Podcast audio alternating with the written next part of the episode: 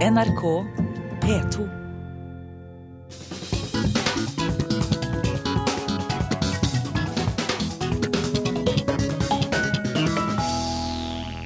Fredagspanelet er samlet i Kulturnytt. Anna Katarina von Matre, kulturredaktør i Minerva, velkommen.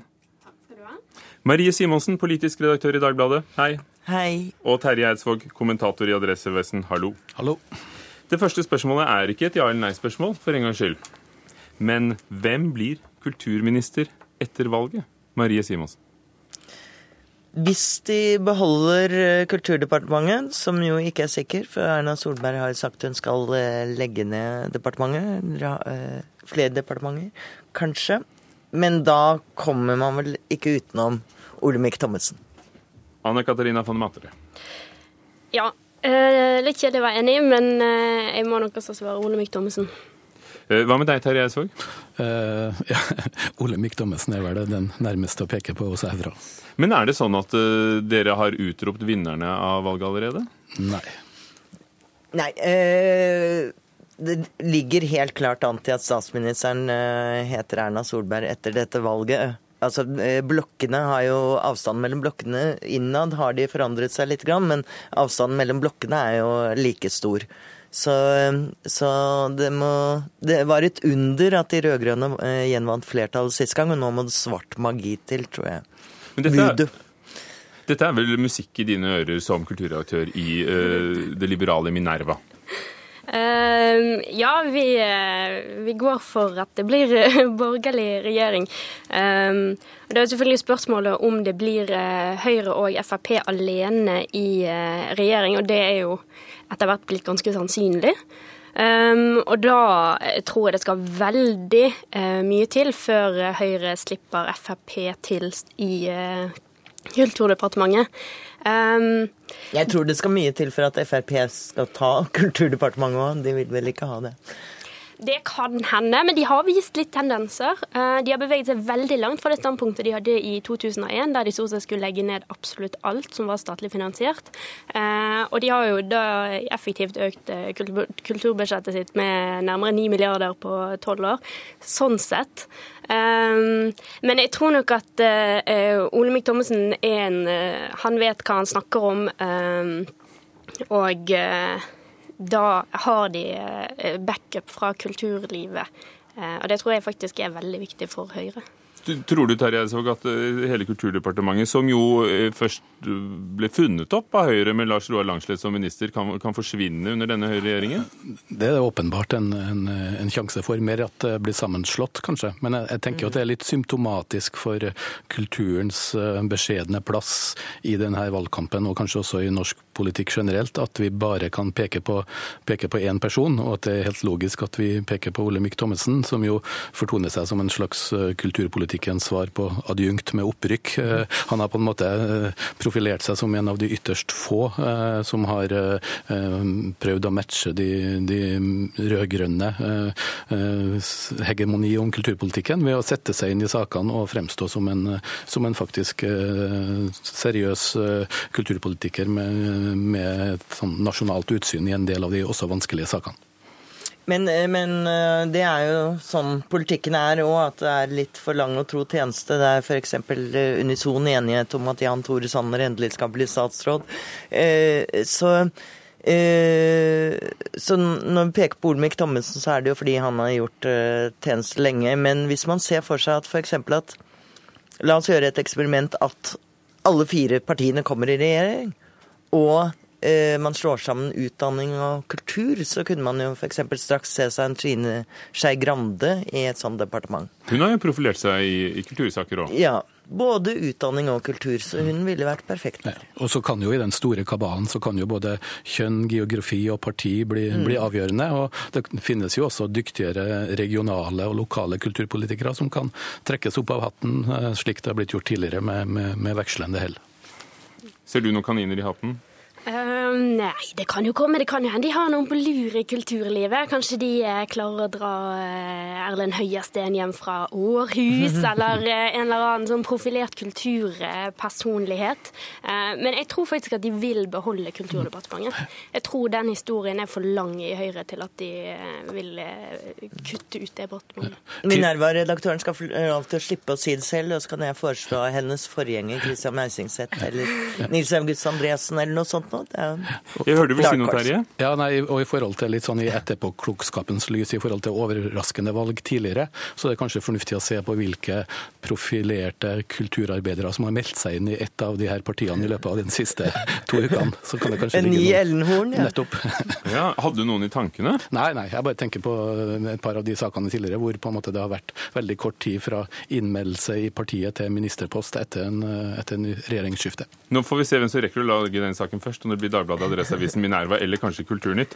Nytt spørsmål. Kulturnytt spurte denne uken 496 arkitekter, dvs. Si vi spurte flere, men det var de som svarte, eh, om Høyblokken i regjeringskvartalet bør rives. Fortsatt står den med presenning etter terrorangrepene. 84% vil ikke rive, men bevare den. Har arkitektene rett i å bevare Høyblokken? Anna Katarina? Nei. Tja. Terje? I akkurat dette spørsmålet, ja. Hvorfor det?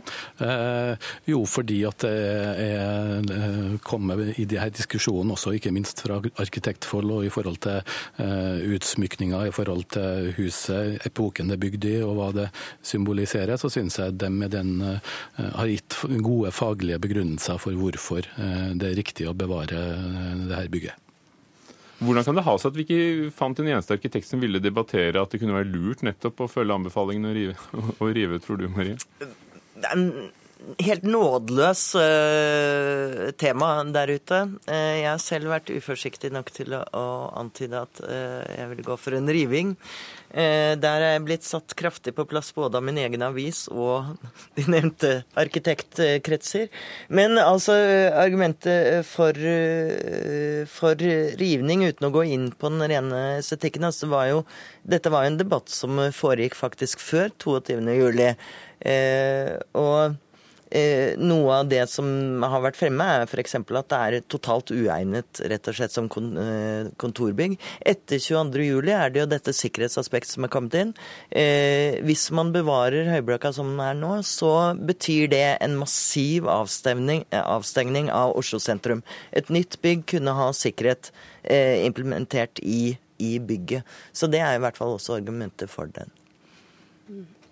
Eh, jeg har eh, også vinglet litt frem og tilbake i dette eh, spørsmålet her.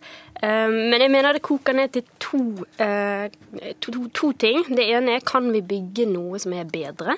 Og det andre er spørsmålet om denne her bygningen bør være verneverdig. Jeg mener helt klart at vi kan bygge noe bedre. Det, mm. det byrommet som er rundt regjeringskvartalet i dag, det er et dødt torg. Ehm, det stenger av store deler av sentrum oppover mot Sankthanshaugen. Der burde man eh, eh, tenke nytt. Um, og så er spørsmålet selvfølgelig om, om, det er verneverdig.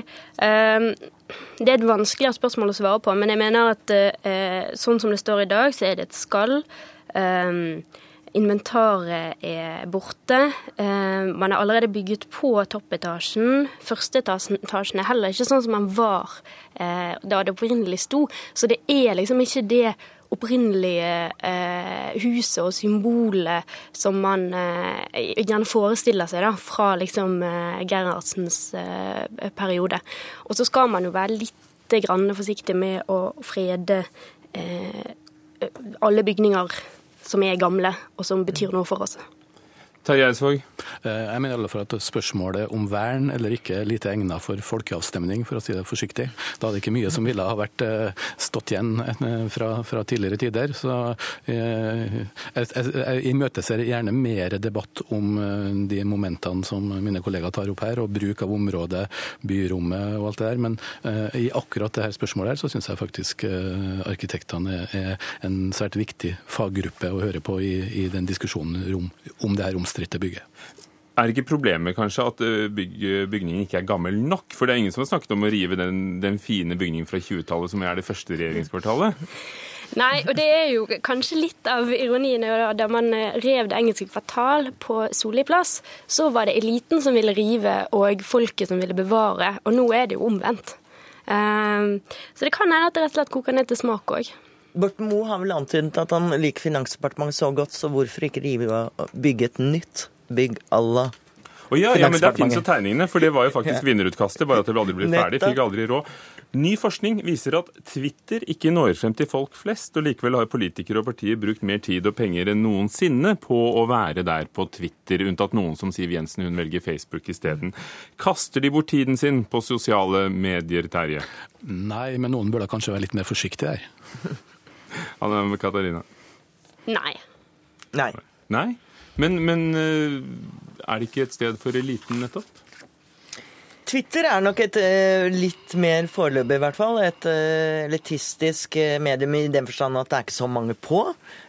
og det er en litt krevende, mer krevende form, kommunikasjonsform, enn på Facebook, hvor man bare kan lire av seg med skrivefeil og det hele. Mens på Twitter må man delta mye mer aktivt i diskusjonen. Så Facebook er nok en mye bedre kanal for, for politikerne enn Twitter. Terje, hvorfor er det lurt at de er der? Eh, jeg tror eh, klart en kanal som Twitter, som vel nå har rundt 20, 000, nei, 20% av landets befolkning som brukere, klart at i en partiflora hvor mange kjemper mot sperregrensa, så er jo 20% av landets befolkning en stor gruppe. Eh, men jeg tror at de bør være der, men de bør være der på en ikke sånn krampaktig måte. Og så er nok Twitter og Facebook veldig forskjellige, og at de utfyller hverandre på en, på en interessant måte. Og tilveksten i nye brukere på, på Twitter er vel faktisk større enn på Facebook. Facebook, selv om det fortsatt er eh, en, eh, et mye mer elitistisk forum kanskje enn Facebook er. Og så må man jo ikke tro at eh, hvis politikerne ikke hadde vært på Twitter akkurat den tiden de bruker på det, så hadde de vært ute blant folk nødvendigvis. Mm. De hadde kanskje gjort mm. helt andre ting. Eh, kanskje ikke diskutert med noen i det hele tatt. Så det er jo en veldig det er en mer komfortabel måte eh, å, å, bruke mer tid på velgerne på. da. Eh, på 160 tegn. Hvor mye får de sagt da? Eh, du får sagt ganske mye. Du lærer i hvert fall å bli eh, konsis i svarene dine. Du, du, legger jo ut linker og sånn. Men den store, store, faren med Twitter er jo at hvis du ikke svarer og ikke deltar i debatten, så blir du sett på som eh, vrang og arrogant osv. Det litt morsomme med denne undersøkelsen som ble lagt frem eh, på Litteraturhuset denne uken, det er en um, forsker på Universitetet i Oslo som står bak, så det er ordentlige greier, er at uh, Marie Simonsen her var jo det Du var jo Jeg er et forskerobjekt. Objekt, ja. Hva ja. fant de ut om deg? De fant ut at jeg var en usedvanlig hyggelig og høflig og, og bra person som snakket med alle, i motsetning til mange av de andre twitrerne. Og faktisk da blir lest. Og... Ja, så, så, det er jo Det de vel kom frem til, var nettopp dette elitistiske med at det var en god del som ikke svarte. De snakket ikke i bredden, for å si det sånn. De snakket bare med folk som var kjente, eller de kjente fra før. Var, var det morsomt å høre dette bekreftet? Jeg tar jo det som en kjempekompliment, og jeg anstrenger meg for å være på Twitter på den måten. Det syns jeg er gøy. Er dere andre der? Eh, absolutt. Ja. Er det sant det at Twitter er for de sure og Facebook for de blide? til, en, til, en, viss grad. så Sånn sett så burde kanskje flere politikere gå på Instagram. det er ikke alltid min erfaring fra Facebook-siden min, men Nei, jeg syns det er motsatt. Jeg syns folk er mye hyggeligere på Twitter enn på Facebook. Når, når, hva er en god Twitter-melding, da? En blanding av litt, litt personlig politikk Uh, ja, det må være litt humorsterten kan godt være litt skarpere på Twitter enn på Facebook. På Facebook blir du gjerne misforstått hvis du prøver ironi der. Det kan du glemme.